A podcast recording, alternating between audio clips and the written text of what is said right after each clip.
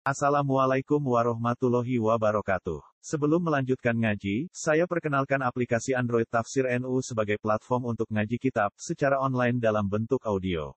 Tafsir NU berisi berbagai kajian kitab kuning dari berbagai ulama NU. Silahkan download aplikasi Tafsir NU di Google Play Store. Link download ada di deskripsi. Wassalamualaikum warahmatullahi wabarakatuh. Bismillahirrahmanirrahim. Qala kam labistum fil ardi adada sinin. Qalu labisna yauman aw ba'da yaumin fas'alil adin. Qala illa bistum illa qalilan law annakum kuntum ta'lamun. Qala dawa sapa Allah taala lahum maring kufar bilisani malikin kelawan lesane malaikat malik wa fi qiraatin kul Kul ngucapo sira Muhammad. Kam labistum, kam ing pira labistum meneng sira kabeh fil ardi ing dalam donya. Fit dunya tegese ing dalam donya wa fi kuburikum lan ing dalam kuburan sira kabeh. Ada dasinina kelan wilangan pira-pira taun. Tamyizun utawa apane pirangane pira-pira taun. Te dawu ada dasinin tamyizun dadi tamyiz. Kalu padha jawab sapa ngakeh labisna meneng kita yauman ing sedina au ba'da yaumin utawa separone dina. Aku ning donya mung sedina utawa separo dina. Syakku padha mamang sapa ngakeh fidzalika ing dalem al-lubsu fid dunya utawa fidzalika fi dzalikal yaumi au ba'da yaumin. Wastaksaruhu lan ngrasa sedelok sapa kufarhu ing ikilah yaum li idzamima krana gedene perkara hum kang utai kufar fi ing dalem minal adzabi saking siksa. Fas'al mongko takok sira Fas'al mongko takok sira al adina ing malaikat sing tukang ngitung. Ail malaikat tegese malaikat al musina kang ngitung kabeh amal al khalqi ing pira-pira ngamale makhluk. Kala dawa sapa wa taala bilisani malik ing kelan lesane malaikat malik wa fikra aiten aidon kul. Illa bistum ora meneng sira kabeh illa qalilan kecuali muk sithik. Lau annakum pomo sak temne sira kabeh kuntum ana sira kabeh ta alamu iku ngerti sira kabeh. Mikdar lupsikum ing kadar meneng sira kabeh minat tuli saking suwene. Kana ana apa alupsu qalilan sithik binisbati lan kanisbatno ila lupsikum maring meneng sira kabeh finari ing dalam neraka. Afa hasibtum annama khalaqnakum abasa. Afa hasibtum ana ta nyangka sira kabeh annama khalaqna. Angin mestine gawe sapa ingsun kum ing sira kabeh abasan. Kowe apa nyangka nek aku gawe kowe iku abasan kelawan godolanan tok. La ora. La maksudnya ora godolanan aku gawe kowe li hikmatin krana hikmah. Wa anakum lan kowe nyangka sak temne sira kabeh ilena maring kita iku la tarjiun, la turjaun. Ora den balekno sira kabeh to la tarjiun ora bali sira kabeh bil bina lil fa'il la tarjiun walil maf'ul dan maf'ul. Annakum ilaina la turjaun wa fi qiraatin la tarjiun. La ora kowe iku keliru penyangkamu bal nata abadakum balik supaya ngibadahno. Kita kum ing sira kabeh. Maksudnya kowe tak dadekno wong sing ngerti ibadah bil amri kelan anane perintah wan nahyi lan penyegahan tujuane wa tarji'u lan bali sira kabeh ilaina maring kita Wanuja zilan males kita ala dalika ing atase mengkono-mengkono kabeh. Wa ma khalaqtul jinna wal insa illa liya'budun. Nan ora gawe sapa ingsun al jinna ing manusa. Wal insa al jinna ing jin wal insa lan manusa illa liya'budun kecuali ento nyembah sapa manusa lan jin utawa supaya ngakoni nggih, ngakoni ubudiyah nggih, ngakoni sapa manusa lan jin ing ingsun. Fa ta'ala mongko maha luhur, maha agung sapa Allah Allah anil abasi saking dolanan wa ghairi alani abas. Allah iku terbebas sangka motif dolanan, mesti ana hikmah mimma saking perkara layaliku kang ora patut apa mabihi lan Allah. Allah iku sapa al malikul haq, yaiku raja sing nyata sing hak. La ilaha ora ana pangeran kang hak maujud, ora ana kang maujud iku hak illahu kecuali Allah. Rabbul Arsyil Karim yaiku zat sing mengerani aras sehingga sana Al Karim kang terhormat. Rupane ayil kursi tegese kursi wa wa utawi al arsy iku asariru iku singgasana utawa ranjam al hasanu kang bagus. Waman tesapane wong yat iku nyembah sapa man ma'allahi sertane Allah ilahan ing sesembahan akhara kang liya iku la burhana lahu iku ora ana bukti kumujud lahu kediman bihi kelawan iddia utawa bihi bi ibad napa bihi kelawan anani ilahan akhar bihi e bi ilahin akhar utai dawu la burhana lahu sifatun sifat kasifatun kang nyata sing mesti la mafhuma ora ana mafhum wujud lah kedhe sifat Fa inna ma hisabu wong sing te hisabe wong jazau tegese piwalese wong inda rabbih ana ing sandinge pangerane man sok ben totalane ning akhirat. Innahu sak temne kelakuan la yuflihu ora bejo sapa al kafiruna iku sapa pira-pira wong kafir. Elas aduna tegese ora bejo sapa wong kafir. Wa kullan ngucapo sira Muhammad atau lan ngucapo sira sapa wae nggih Rabbi ufir warham. Rabbi duh pangeran ingsun ikfir kula aturi nyepura panjenengan warham lan kula aturi melasi panjenengan al mukminina ing pira-pira mukmin. Fi rahmati ku tetep ing dalam lafat rahmat. Ziyadatun te tambahan alal maghfirati ngatasi di sepuro. Wong tok rahmat iku sak dhuwure di sepuro. Dadi di sepuro iku bebas sanksi lan untuk rahmat iku wis untuk bonus. Wa anta te panjenengan khairur rahimin api-api zat sing welas. Afdalur rahimin tegese api-api zat sing welas. Diniki dawuh para ulama pokoke Neng donya niku mulai Nabi Adam nganti sakniki niku nate diitung dibandingno abadine neraka niku sekitar 8 menit. Dadi jeng ben tiyang nak punteng neraka terus ditakoki ditakoki kowe ning donya pirang dina iku jare labisna yauman au ba'da yaum paling sedina terus parone dina. Dadi ndelok keberlangsungan neraka sing selawase lawas nate diitung niku pokoke uripe sampeyan ning donya kabeh niku dibanding akhirat sekitar 8 menit. Ngopi oleh ngitung pakar-pakar tapi pokoknya sekitar pinten 8 menit. Jadi melarat 8 menit itu serapa blas melarat napa pinten 8 menit. Lah ana wong melarat ra betah iku kliru-klirune wong 8 menit kok mboten apa betah. Aniku wonten hadise cuma mboten sedetail dihitung ulama. Ngendikane Kanjeng Nabi teng riwayat Ibnu Majah nak somben iku wong kafir dicelupno ning neraka. Terus ditakoki mbek pangeran kenikmatan ning dunya zaman ning dunya kowe bebas sek bebas melakukan apa saja. Dibanding kowe mlebu neraka ana artine ta ora? Mboten Gusti. Jadi semua kenikmatane wong kafir sampeyan nek mlebu neraka dekne ora ana artine. Mergo mau nikmati donya nang pinten? 8 menit. Terus tiang mukmin sing ning donya wis melarat dina pokoke ora tau seneng, melarat kere ra terpelajar pokoke lara kabeh. Niku dilebokno swarga ditakoki pangeran. Kowe tau ning donya melarat ora? Mboten blas Gusti, perkarane mun roh napa? Roh napa? Swarga. Terus Kulo suwon lewat ngaji niki ki mbayangno mulane nek dadi wong melarat kudu wali. Perkarane satu-satune cara kira larat donya akhirat iku kudu napa? Wali. Sekali ke melarat gak wali berarti ya donya loro akhirat loro. Mulan lah sing sugih ra wali lah wong ning donya entuk. Mulane dewe wali-wali riyen niku nyara-nyarane wong wong melarat gak ibadah. Mergo donya ora entuk akhirat ganto khosirat dunya wal akhirah. Dzalika huwal khusranul mubin. Jadi pokoknya saat ini eling-eling dunia niku namung 8 menit dibanding akhirat Mulane istilah tiang-tiang kuno mau mampir ngombe, mampir ngombe iku wis mlebu omah ngombe balik. Jadi saat ini niku dihitung mawon dunia nampun pinten 8 menit.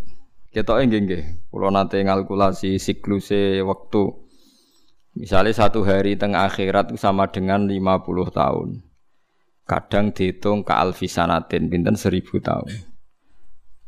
Jadi nak satu hari tengah akhirat podo bek seribu tahun teng dunia, terus kue urip ning dunia mau wolong puluh tahun. Wolong puluh tahun wae ono brangkang, ono macam-macam cek cilik ra paham, ono julu, ono ABG, ono puber. Ya? Semulai rontok mapan niku umur telu papat telu limo. Engkok mapan sithik anak mulai gede ngawekno. Engkok tuwek meh mati putu pating krentel pirang-pirang aduh wis. Enake ning ndi urip ngoten niku? Ruwet. Nggih napa? Dadi padha-padha ruwet terus balik nang ngeran wis pokoke aja Duwe keyakinan nak dunya iku abasa wa annakum ilaina napa la turjaun. Terus nomor kali sing badhe kula sampeyan teng mriki dawuh Abu Bakar As-Siddiq. Abu Bakar itu termasuk sahabat sing jarang sholat sunat qobliyah, jarang. Mergo nunjukno boten wajib. Mergi dekne niku nggih sering tapi boten sering banget, nggih sering tapi boten sering banget. Niku menangi tabiin, niki rungokno malih nggih, menangi tabiin. Sing ketika Abu Bakar cek sugeng, tabiin itu banyak menafsirkan innal ladzina qalu rabbuna wa tsummas taqamu.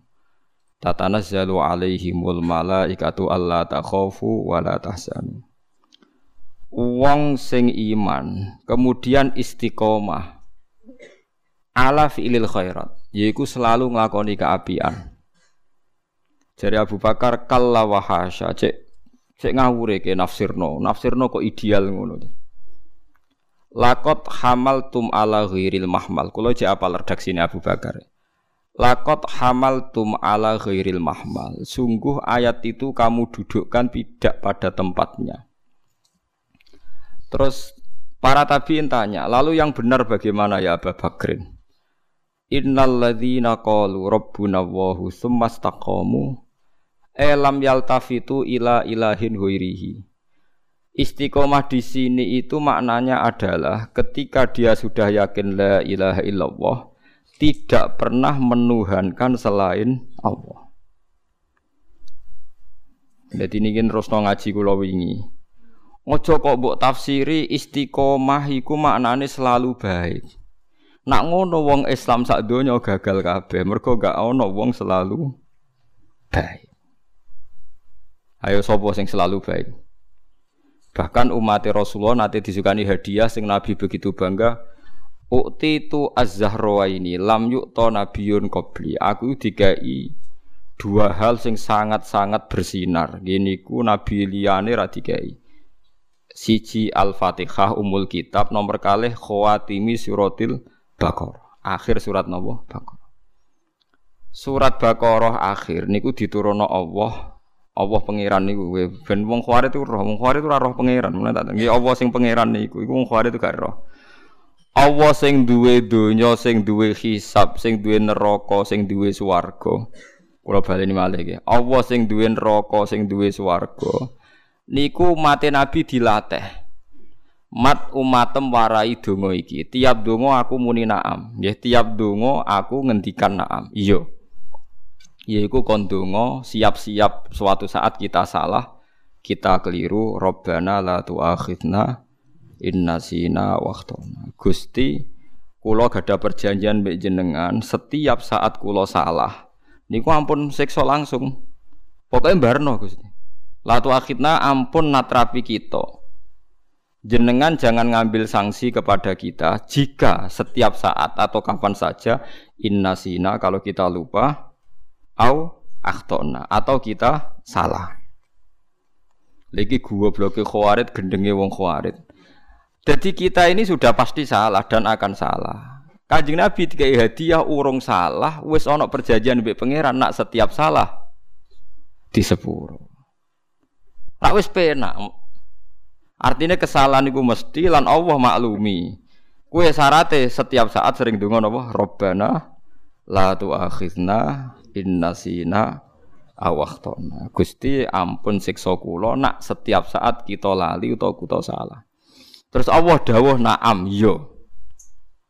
Makanya potensi kita diampuni itu tinggi sekali. Nak sering maca ayat iku. Mulane diarani hadiah umat Nabi ku akhir surat Nabi. Akhir surat Baqarah. Terus digo tahlilan rame-rame tapi ora paham niku bengak-bengok ngono. Saya bolak-balik anggere rutin niku ora ana filosofine. Agar wis rutin ora ana napa? Tapi itu donga luar biasa. Lho tiang kok mboten salah ku sepundi. Wong terutama wong soleh bodoh tambah potensi salah. Sampeyan saya kita bedheki, tak bedheki. Nak iso jawab lho, terutama sing soleh bodoh mesti ra iso jawab. Sing dolim jawab bener tapi dolim tetep wong dolim. Ana prawan ayu ta rodo ayu, pokoke aja bojone wong ya. Bojone wong ora ana peluang halal ya. Bojone wong ora ana peluang halal. Lho jelas to wal muhsanatu minan nisa. ana perawan ayu utawa rondo ayu. Terus dibeda wong fasik. Kowe ngerti, nak dibeda wong fasik, engko dikelone wong fasik, dirabi wong fasik, anake diproduksi fasik, ditradisekno fasik. Iki bakas syariat lho nggih, nak pangeran hakikat ora ono sing roh. Tapi nak digodho ruhin wong elek tau mondok mubalek, perhitungane anak dipondokno utawa diwarai salat. Terus ruhin ngerti wong fasik ku nggodho rondo iku. Ruhin ra nggodho iku ya ora mungkin. Artinya nak ruhin secara syariat tapi ngerabi kan ya ono proses e, mbok godho, mbok SMS-an, mbok kenalan, masuk rabi, ketemu ning dalan tak rabi ya sesuk kan ora mungkin. Kue ngalalo godo ya ora mungkin. Wong godo kok dihalalo. Kowe ngembar wong fase godo ya ora mungkin mergo potensi apa produksi wong fase. Leku bingungnya ulama nak neng fatwa sing sensitif. Karena ini perebutan satu wilayah. Waduh jabatan nggih ngoten. Harta tahta wanita nggih ngoten niku. Kowe atno wong soleh dadi bupati, iku ya ora mungkin mergo parek syubhat parek haram. Tapi kayak ngembarno wong gento-gento sing ora salat ora di tradisi kiai, di tradisi PKI dadi bupati. Kowe ngembarno dosa ta ora? Mboten jawab mawon. Dosa kan. Mulane ning Fathul Muin diterangaken fatwane ulama. Nak ana jabatan cek lurah, cek presiden, cek bupati, cek gubernur. Apa direbut wong dolim dan wong dolim mesti menang mergo tuku. Iku wong soleh wajib tuku. Anggap aja tuku kebenaran. Iku ra jenenge ra nyuwap. Lah saiki wong soleh bodho-bodho, nak ana DPR nyuap, iku dianggap suap. Iku asal DPR e soleh, ngrebut sangka potensi dikuasai wong dolim jenenge iku ora nyuap. Badrul mal dianggap tuku kebenaran. Ayo sing tau darani suap kudu istighfar saiki. Lho boten iki hukum, kula boten bela sinten-sinten iki hukum. Ayo sobat nak ketemu pangeran. Nak nak bener kula. Dadi ar-rasi wal murtasifin naru maksude ora ngene iku. Misale ngeten nggih. Niki rungokno tenang ya, aja sampai salah. Nak salah rata aku murid ning swarga. Nggih rungokno nggih. Misale kula duwe sawah, gadane kula. Utawa di bojo bojo kula, pokoknya hak itu milik saya. Hak itu milik saya. Kemudian direbut Ruhin. Katanya Ruhin miliknya. Dan saya tahu hakim ini hakim dolim, nak disuap bela ruhin artinya nak ruhin bayar 5 juta dimenang no ruhin nak aku ram bayar tapi nak aku bayar 6 juta dimenang no aku aku bayar 6 juta neng hakim itu nyuap apa tuku kebenaran sing darane nyuap iku malik barang hak dadi batil batil dadi hak iku jenenge riswah Lha saiki wong do goblok masal angger dikei dhuwit diarani suap iku musibah innalillahi wa inna ilaihi rajiun. Lho nggih. Niki buatan guyon. Gue saiki contoh gampang rasa presiden, rasa bupati, lurah mau lurah, ono calon lurah. Kira-kira nak menang tayuban, oplosan, penggaweane ngundang sinden, ngundang dangdutan. Terus disaingi lurah, ruhin santri. Lurah sing dolim tuku rong ewu. Kita ngerti nak sing soleh tuku tolong puluh ewu dadi iku cara Fathul Mu'in, cara kitab-kitab sing soleh wajib tuku. Iku dianggap tuku kebenaran. Paham ya? Jadi orang nyuap. Sing darani nyuap itu satu pembiayaan sing hak dadi batil, batil dadi hak. Tapi nak tuku kebenaran ya tuku kebenaran padha karo jihad ngoten mawon. Nggih tuku kebenaran padha mbek napa? Jihad. Lah nak ngono misale bojone Ruhin diculik wong dolim terus wong dolime anak ora mbok tebus ratakno kan bojo iki. Aku pengen kayak duit nyuap, bayar repot. Paham ya? Lho lagi nak bojone Ruhin diculik terus Ruhin kon bayar. Misalnya Ruhin bayar, mau bayar aku haram iku jenenge apa? Ora, ya Ruhin bayar iku ya tuku kebenar. Tuku napa? Kebenaran. Nah, kecuali ngene bojone wong terus Ruhin bayar iku akokno bojoku. Lah iku nyuwap. Lah mulane aku ora seneng mbek wong soleh fatwa iku ora seneng. Wong soleh pokok ibadah ngenteni swarga wis mati wis. Aja geman fatwa. Mulane bener dawuh Sayyidina Ali sing rusak Islam loro. Qasama dhuhrani rajulani sing rusak gegerku mau loro tok. Yaiku wong soleh ahli ibadah tapi bodoh, ambek wong alim kurang ajar. Go wong soleh bodoh fatwane melingkar, wong alim kurang ajar kelakuane melingkar. Mulane disebut fasadun kabirun alimun mutahatiku. Tapi wa akbaru minhu jahilun mutanasiku. Gedene kerusakan ana wong alim kurang ajar, luwe gede meneh nek ana wong bodoh ahli ibadah. Wong ahli bodoh ahli ibadah dianggap kriminal. Perkarane kesalahannya banyak. Buatan kata sebudi, contoh gampang, ono wong penggane itikaf ning masjid, bedino wiridan. Jajal sampean tes awis. Terus jajal tes saya takoi, Mbah. Niku. Anaknya jenengan badhe dirabi tiyang. Nggih seneng padha seneng. Cara jenengan sebuti serabekno nak seneng padha seneng. Orang alim akan tersiksa karena orang alim tahu ini halal apa ndak halal. Nanti nak dikeloni wong iki ngelahirno wong dolim tahu fase, agamane kafaah ta ora. Jadi orang soleh itu selalu mensederhanakan apa? Masalah. Sepodo senenge piye meneh. Lah wong alim kan perhitungannya kan detail lima liha wa jamaliya wa hasabiya fatwar bidzati din taribat ya tak. Lalu kula bolak-balik debat wong soleh. Tapi ini tukang dalil gitu nggak etika ya tapi ratu tukang fatwa lah tetep clear. Jadi beda nyuap ambek Badrul Malik ku beda. Niki sing dawuh Fathul Muin kitab semua kitab dawuh. Kalau pembiayaan kebenaran biar tetap benar itu jenenge jihad. Sing darani nyuap iku bener dadi salah. Salah dadi bener. Lah iku nak dibiayai jenenge suap. Ar-rasi wal murtasi finnar. Tapi misalnya ono presiden cara kue soleh A, citoke muni soleh B, ono lurah petinggi. Angger sing dukung ku meyakini soleh A, ya kudu wajib biayai A. Lah masalah zaman akhir sing soleh lah kon bayar, lah iku perkarane, lah iku musibah. Mestine nak kita penggemar wong soleh ben dadi presiden ta dadi petinggi, kita sing melok bayar. Mereka membiayai kebenar. Ora malah sing soleh lah ora kuat dadi lurah mergo kiai sing soleh lah njaluk dhuwit. Dadi soleh mangan napa? Soleh. Iku perkara nah niku lho. ora iso nak niat ya sing kiai sing soleh-soleh melok bayari ben sing soleh dadi. Mergo nak sing dadi wong dolim agama macet. Paham ya? Dadi aja geman fatwa ku hati-hati. Dadi wong soleh ku mulai dhisik perkara. Nah, mulai Abu Bakar duka. Sumastakomu iku artine iku aja kok terus ora tau dosa, iku nantang sunnatullah ning liyane nabi, liyane nabi mesti ora maksum.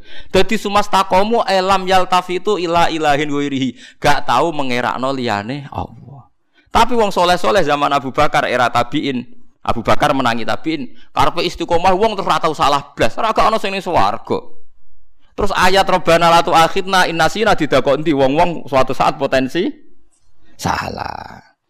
Lain nak ndonga niku sing tenanan dadi wis duwe kompensasi mbek pangeran nggih um, auzu. Lane kula niku pede nyai perkarane kula pun gadah kesepakatan mbek pangeran wau. Robbana latu akhidna innasina awak. Tapi tak jiwai tenan. Tenan lho Gusti. Jenengan gawe kula kadung ra maksum ya ora nabi dadi pokok setiap saat kudu langsung jenengan sepuro. Ora usah ngenteni kula njaluk sepuro, pokoke langsung kudu langsung ini. Lah iku mulane Nabi begitu bangga sampai ngendikane Nabi gak ono Nabi dihadiahi kaya aku. Aku dihadiahi akhir surat Baqarah. Lah tradisi kita sebener digo tahlilan rame-rame tapi ora dijiwai. Ya itu saja ini bener ayat itu, itu hadis sohe riwayat bahwa Az-Zahrawan itu hadis sohe.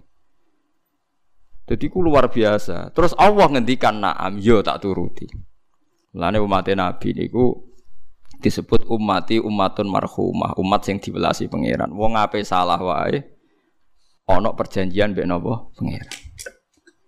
Kula nu eling kula di kanca niku setengah anak kiai, anak kiai tenan mbah iki. Sak niku dadi pengusaha sugih syubhat yo gelem, babal kedua yo gelem.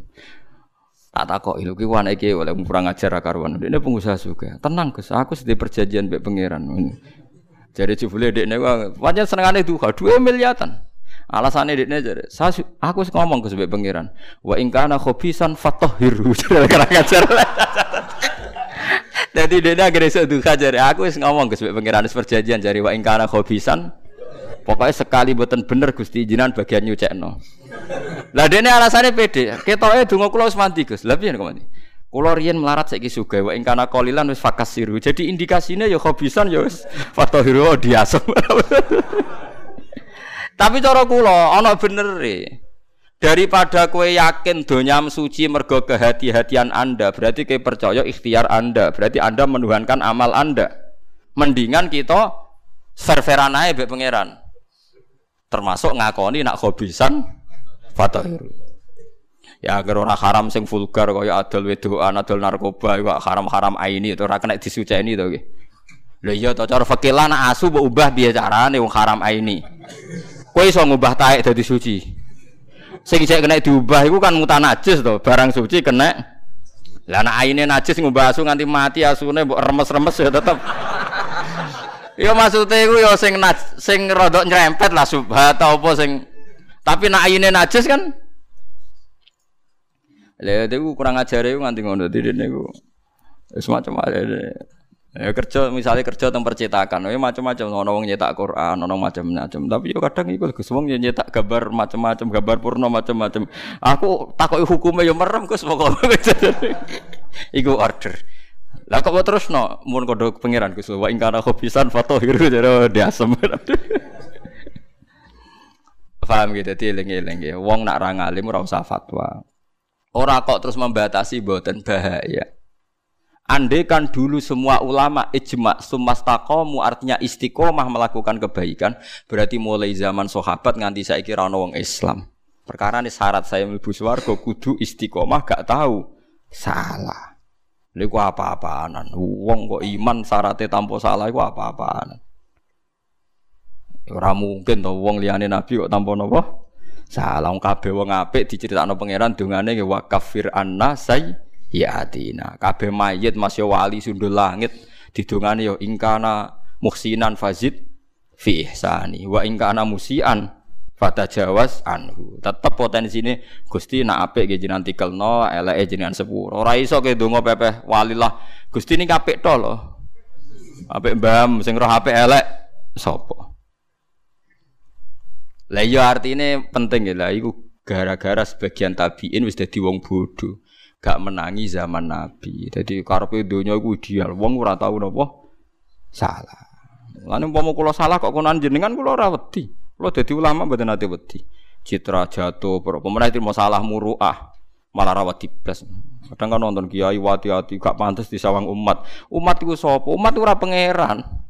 Gak penting gue seneng aku ora. Umat itu pangeran. Sing pangeran Allah sing dihukum. Kalau awalan ngiyai teng Rembang bolak-balik teng pasar sing kiai murahnya. Gus wong alim ning pasar. Piye? Aneh Gus. Wong alim biasane ra ning pasar. Aneh kowe. Bodho nyal wong alim to. Sesuai mikir. Padha aneh kok nyok alam. Kan dekne wis ndarani aku alim Gus dinana aneh. Wong alim kok ning pasar. Aneh kowe. Lah sebutin bodho nyok apa? Wong alim kabeh nabi tak tak terangno wa ma arsalna qabla kaminal mursalina illa innahum layak kuluna ta'ama wa yamshuna fil aswa kabeh para rasul dhisik ya biasa dahar ya biasa mlaku-mlaku ning pasar Wala wali zaman ana teori muruah wong kiai ning pasar ora pantes kiai ning dalan-dalan iku akal-akalane kiai ora ana Qur'ane tak jamin ora ana dalile tapi aja kok pepeh Nabi tau ning pasar kok ning pasar terus iku geng jenenge. Kiai tapi jenenge geng iku. Geng pasar jenenge. Cuma anak menafikan itu keliru wong ayatnya jelas illa innahum layak kuluna to'ama wa yamsuna fil aswa. Tetap melaku-melaku ini biasa. Lah iku nak misalnya sono fatwane wong bodoh, alamat kiai ora tau ning pasar. Terus mbok ndel. Lah terus akhirnya wong jagal mbek Nabi, mergo Nabi ning pasar. Iku mulane jare Sidina Ali aja geman mendengarkan fatwane wong soleh sing bodho. Ya tapi nak ora soleh lho, orang ora soleh kan radindel. Justru Sidina Ali membah justru soleh iku sing mari potensi dipercaya kan. Mulane ora oleh fatwa mergo potensi dipercaya padahal potensi salah. Lho karuan gendo kan ora ono wong ngandel. Lagu riyen zaman sahabat pun banyak menangi ngoten niku nggih dados mulane si Abu Bakar duka lakot hamal tum ala huiril mahmal kuwi aja ngono. Mas aja geman fatwa berlebihan seakan-akan wong kudu napa sete steril dari dosa ya ora iso. Tapi ojo kok terus dosa dadi syariat nggih mboten donya. Terus kowe dicita-cita dosa rasa dicita-cita wis kasil dosa. Lha apa mbok cita-citane kok. Senengane kok terus bantah. Mungkin dadekno tiyang kadang-kadang wong saleh yo repot. Mungkin dadekno tiyang seneng dosa. Lah wong seneng dosa rasa mbok warai wis. Kulo ge nate diprotes ki, tapi ngoten niku dadekno wong seneng dosa. Tapi ora krana fatwa aku, sedurunge ngaji aku ya wis seneng dosa. Nak dosa ora usah mbok warai wis pinter. Aneh-aneh. Tapi kita sebagai ulama harus konsisten supaya kita tidak saling mengkafirkan bahwa semua orang mukmin itu ikhwah disyaratkan kita sepakat nak dosa ora dadekno wong kafir. Kita harus sepakat. Paham ya nak dosa iku ora dadekno wong niku napa kafir. Ya wow kaya misalnya suap menyuap kudu yakin sing diarani suap iku barang hak dadi batil, batil dadi ba ha. Mulane delok wong wedok yang ngono kan. Wong wedok ayu, didelok ruhin ape dirabi, halal apa ora ndeloke? Halal, mergo ndeloke proses ape dirabi. Tapi nek ape digodho ape digodho menan haram. Lah saiki misale ana rondo ayu ruhin pengen ngrabi, geleme dirabi nanti kayak dik sak juta. Ana gento, ape tuku sak juta gelem dikeloni. Ruhin wajib tuku sak juta. Perkara tuku hak kan mergo ape dirabi. Paham nggih? Berebut Dadi ora. Lho nek yo rugen ora iso diarani nyuap, mergo demi barang halal. Lah nek ngono mahar haram. Ayo bayar mahal demi apa? Demi kelon kan? Kenapa mahar nikah itu baik? Mergo tuku barang hak. Fa innakum akhadtumuhunna bi amanatillah wastahlaltum eh fa innakum akhadtumuhunna bi kalimatillah. Seperti fa innakum akhadtumuhunna bi amanat wastahlaltum furujahunna bi kalimatillah. Nek ngono wong salam tempel ning kiai rak dosa. Mergo nyuwap. Ya ora ono ngono iku agar barang hak dadi hak iku jenenge sedekah utawa jihad. Sing darani nyuwap hak dadi batil. Batil dadi lah wong Islam saiki akeh sing bodho, wong saleh-saleh akeh sing bodho. Angger ana pilihan caleg, angger dikeki dhuwit jare nyuwap. Lah sing dadi wong ora salat, wong fasik. Perkara antar wong soleh pecah. Jadi misalnya Mustafa kok utawa Ruhin nyalon caleg wajib buat dukung. Waktu buat biayai, ngomong soleh gitu biayai. Nak nganti kalah selain terus lawan bunuh diri ya terus. Paham gitu tiling-eling. Kula kok mboten ngalalo suap mboten. Sampean keliru nak rivi suap mboten nak suap tetep dosa ila yaumil kiamah. Tapi sampean keliru nak rivi napa? Suap. Sing darani suap membayar merubah hak dadi batil batil dadi napa hak tapi misalnya bujum diculik utawa sawam hakam diculik hakim nak ora dibayar kayak gak dimenang lha kowe bayari jenenge gak nyuap tuku barang napa hak Lo cuma hakimnya secara hukum syarak itu haram menerima karena kebenaran harus diputuskan meskipun tanpa bayar. Tapi sing bayar ora dosa, paham nggih hakime? Dosa. Mergo mutusno kebenaran kok ngenteni di bayar. Paham ya? Jadi kudu proporsional. Saiki mboten. Kabeh kuwata teng daerah kula wong jatuh gara-gara dianggap nyuap. Jadi misalnya kita di PNS juga sama, misalnya kompetisi PNS yang bayar jadi, yang tidak bayar tidak jadi. Jika anda merasa mampu dan bisa memperbaiki departemen itu kalau jadi, umpama tenan ke bayar ya anggap aja tuku barang hak. Temenan barang misalnya departemen pendidikan dipimpin ruhin terus Islami religius. Berarti kan tuku hak kono Nak tenan loh, syaratnya tenan gitu demi hak, tapi nak diminasi PD ya mbor. Ora kira cerita cerita nak bayar demi barang hak. Niku kuat hari ini zaman sahabat. Lah ngono Abu Bakar tuku Umayyah rak dosa. Bilal diduduki ngene-ngene terjadi Bilal. Kenapa mbok duduki jare Abu Bakar? Ya mergo iki budakku wani aku, ya tak tukune. Wah Abu Bakar nyuap Umayyah, ya repot. Berarti Abu Bakar tuku barang hak. Mergo Umayyah gak mungkin bebas Abu Bakar tanpa di tanpa dibayar. Sono meneh zaman Sayyidina Umar nganti cerita Usfuriyah kono caci cilik dolanan manuk. Bareng dikurungi Sayyidina Umar sakit. Iku kan ya dituku. Cung. Manuk tak pek, ya ampun. Tak tuku angsal. Nak tak tuku oleh, oleh tuku ora oleh. Bareng dituku, bareng dituku manuke diculno. Jadi nganti ana kitab napa Usfuriyah. Kitab manuk napa Emprit. Ya wes akhirnya diculok. Lah berarti Umar nyuap, ya ora iso mergo demi kebenaran. Tapi jare kancaku kurang ajar. Sayyidina Umar ono-ono ae, empret dicolo, manuk gedhi di sebelah. kurang ajar kayak kualat. Acar aku ya bener maksudnya. aku lah yakin muga manuke gede di sebelah orang dicolo. Ya tapi di sebelah ya ora salah to, manyer halal loh. Cuk, lho iya dicolno cara aku sebabe loro. Siji tau dikurung, loro mergo cilik. Kadang kurang ajar ya bener.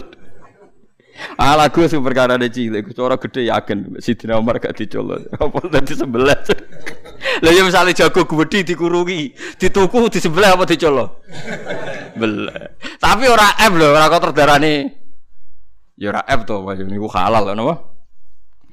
Paham ya? Jadi saya jelas gitu. Jadi tuku barang hak niku angsal. Ya tuku barang hak napa? angsal. Mulane Sayyid Hasan, Sayyid Husain, Sayyid Ali Zainal Abidin riyen sering bayari penyair.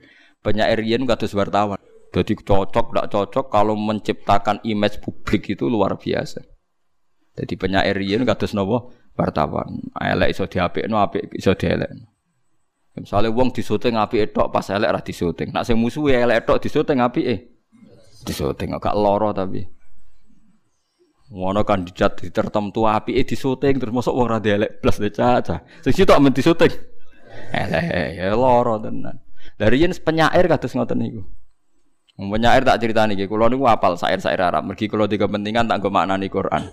Ku nak darani wong elek iku nak ngibaratno wong elek jare kabak rotin nakarot hadik. Koyok taek garing sing dicocok pitik.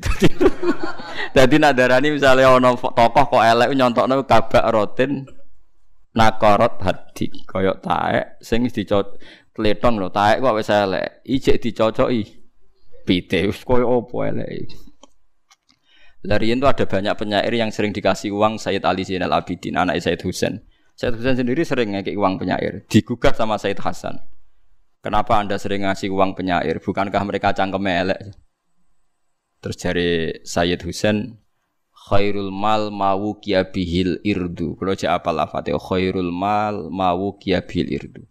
Api-api duwe iku sing kanggo jaga harga diri. Jadi misalnya di tonggo kecangkeman, narabu kayak duit kecangkeman, gak buat servis kan kecangkeman. Senajan to iki wong fase kudu mbok kakek. Mergo nek iku nganti kecangkeman terus nglarakno hati. Lah ngilangi loro hati iku ibadah.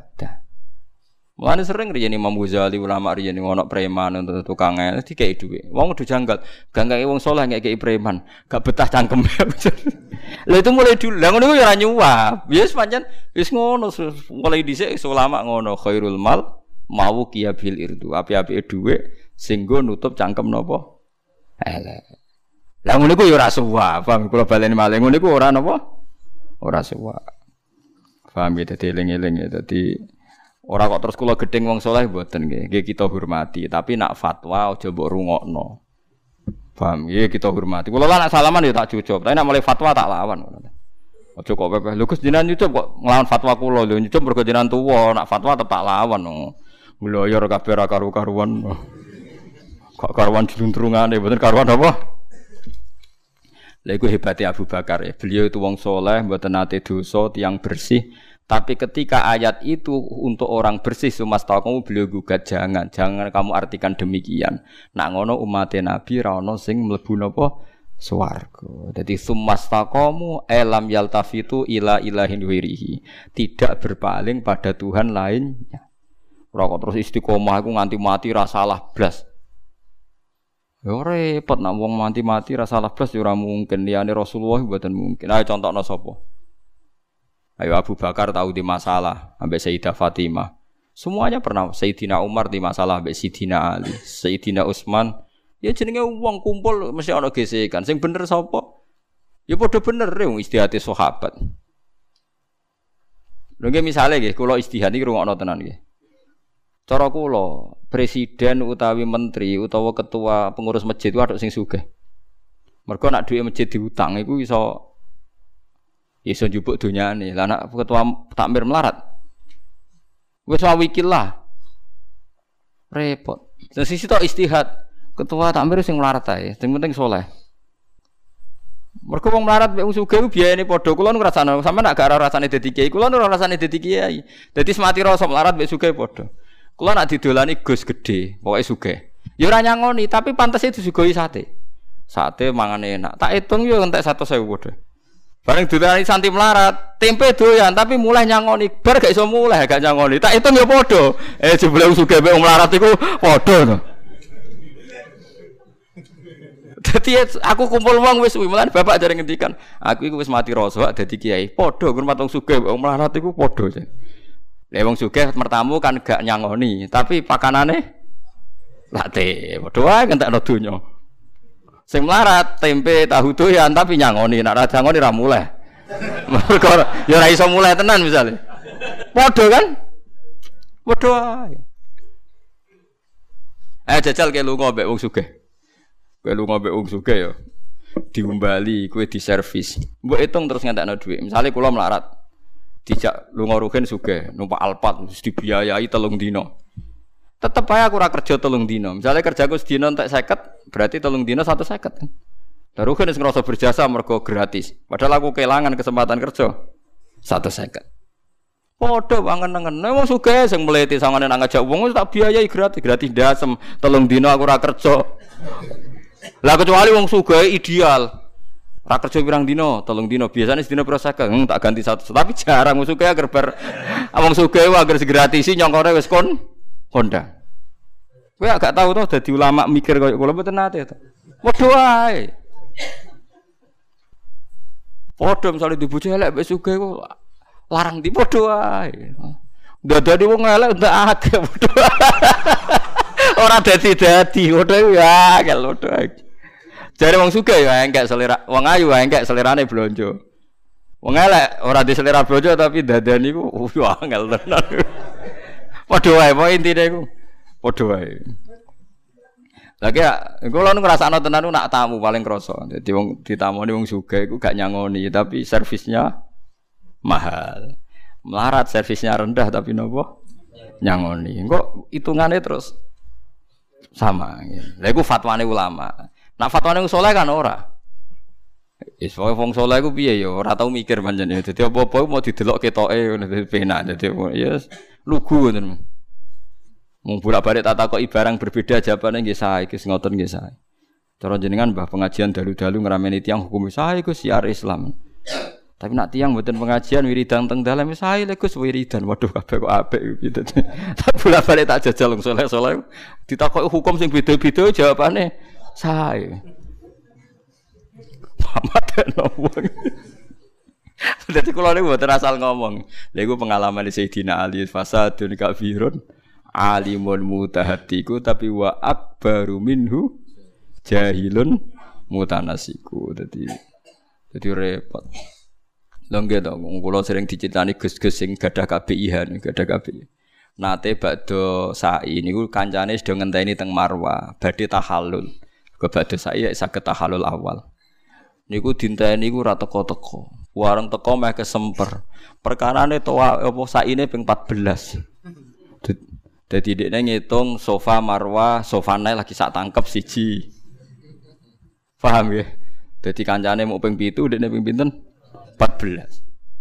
Masuk wong sak menaki ya to, saine ora bar aku bar dhewe. Waduh kena bodoh repot. kayak kayak gitu misalnya mbok urusi. Terus sak donya pikirane ngono kabeh, suwe-suwe sak ya. 14 kabeh kan?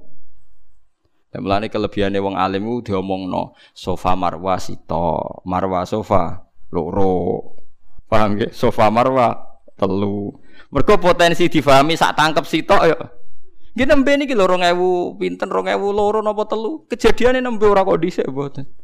Jare Gusti astagfirullah zaman ngene kok jek ana wong sai ping pinten? 14. Iku mau, baca sereng ngeri, ngeri, ngeri tenan. Paham gitu, terus niki kula suwun hukum-hukum sing nyerempet khawarit iku bandingno teng kene Quran. Quran piyambak wong apik iku sapa?